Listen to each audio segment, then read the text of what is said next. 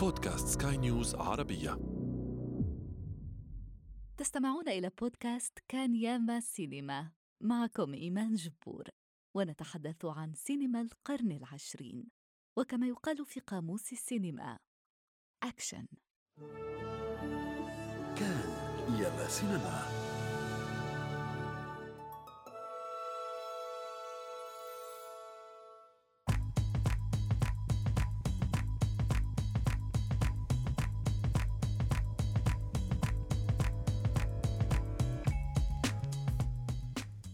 الوجه المظلم لأسطورة الحلم الأمريكي. نعم Scarface هو حكاية جشع مدمر وجنوح وفساد وتصوير خام لحياة العصابات. لكنه أيضا فيلم ملحمي. اجتمع فيه ثلاثة عباقرة في ذروة إبداعهم. براين دي بالما وأوليفر ستون وآل باتشينو الذي جسد واحدا من أفضل أدواره على الإطلاق. توني مونتانا الذي تحول إلى أيقونة في الثقافة الشعبية في العالم بأسره. انطونيو مونتانا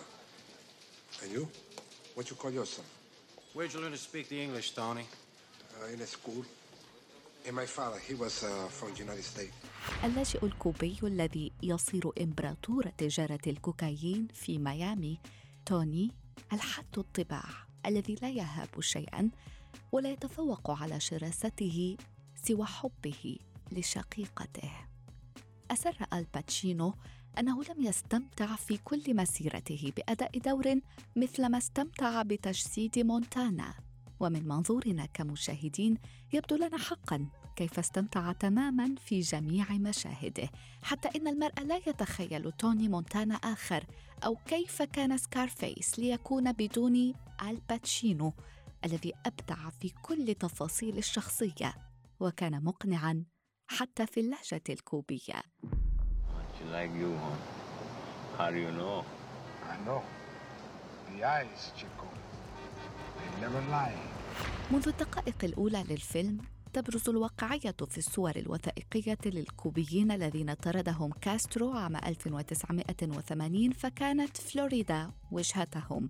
في عدسة دي بالما التي تتفحص توني مونتانا المحاصر في مكتب الهجرة في صور بانورامية طويلة تراقب بصبر وعين ماكرة الكائنات الجشعة في سطور أوليفر ستون الذي لم يتردد في الغوص في العالم السفلي الكوبي في ميامي فعاشر لأسابيع تجار المخدرات رغم الخطر الذي كان يتهدده في حال أخذ الأمر على أنه مهمة شرطي متخف لكن ما أراده في الواقع هو أن يجعل السيناريو واقعيا وتوثيقيا إلى أبعد حد This country, you gotta make the money first. Then when you get the money, you get the power. Then when you get the power, then you get the woman. الموسيقى التصويرية من تأليف جورجو مورودير الذي عرف كيف يبدع النغمة الصحيحة لأسلوب حياة يتميز بالفخامة ظاهريا فحسب.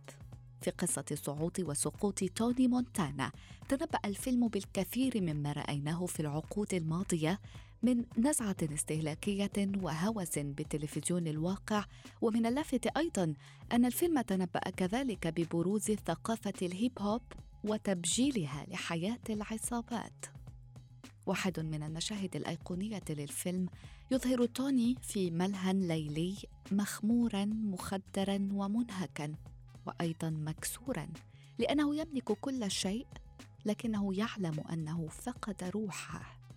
ثم هنالك المشهد الختامي المهيب والعنيف أيضا. فبعدما يتخلص توني من ماني لزواجه من شقيقته ويعود إلى المنزل ويستنشق جبلا من الكوكايين تفقد شقيقته صوابها وتحاول قتله. تطلق عليه النار في ساقه لكن أحد رجال توني يطلق النار عليها فيردي توني القاتل. بعدها يقتل جميع رجال توني عندما يقتحم قصره.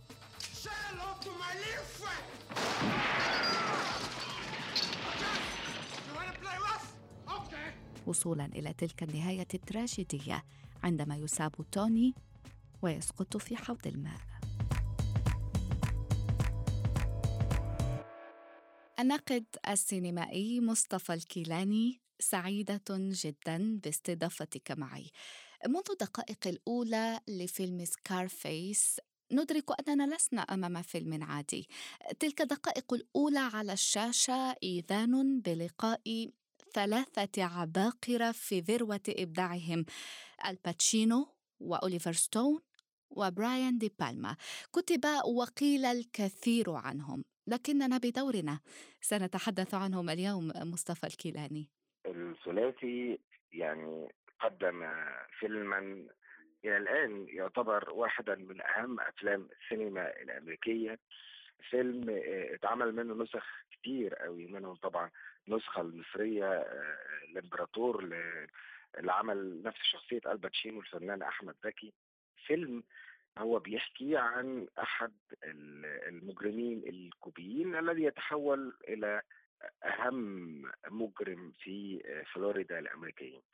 مجرم دخل كوبا ضمن مجموعة من اللاجئين اللي خرجوا من حكم الشيوعية في أثناء حكم فيديل كاسترو.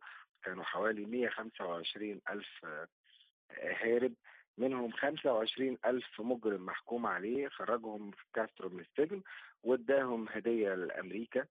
وكان منهم توني مونتانا بطل Scarface أو الوجه ذو الندبة دي النسخة الثانية من الفيلم النسخة الأولانية اتعملت سنة 1932 ويعتبر واحد من أهم كلاسيكيات السينما الأمريكية.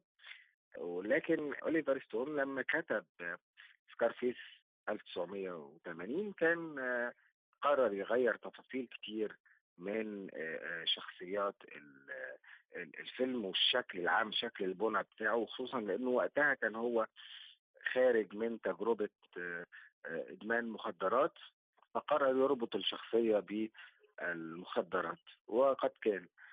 الباتشينو هو ذلك الممثل الذي يستطيع أن يقدم كل شخصية بإيقاع وأداء وروح وشكل مختلف تماما. عن الشخصية اللي قدمها في الفيلم قبل. لذلك سيظل الباتشينو هو أيقونة التمثيل في العالم يعني.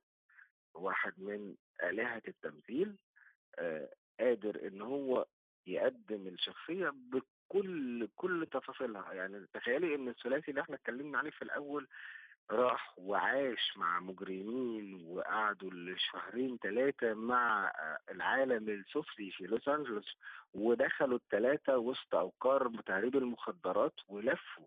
فقدر هو هو عين الباتشينو قدرت تلقط كل اللي بيحصل. هو ممثل زي الإسفنجة بيمتص كل التفاصيل وبيخرجها قدامنا أمام الكاميرا. بيعيش الشخصية هو بتلبسه الشخصية وخلاص الموضوع بيتغير قدامنا. ما بيبقاش الباتشينو بيبقى توني مونتانا. في توني مونتانا لا هو هو بيقدم لنا الشخصية اللي بنكرهها بشكل عجيب جدا وبنحبها برضه في نفس الوقت. الناقد السينمائي مصطفى الكيلاني شكرا جزيلا لك. مستمعينا الكرام إلى العدد المقبل.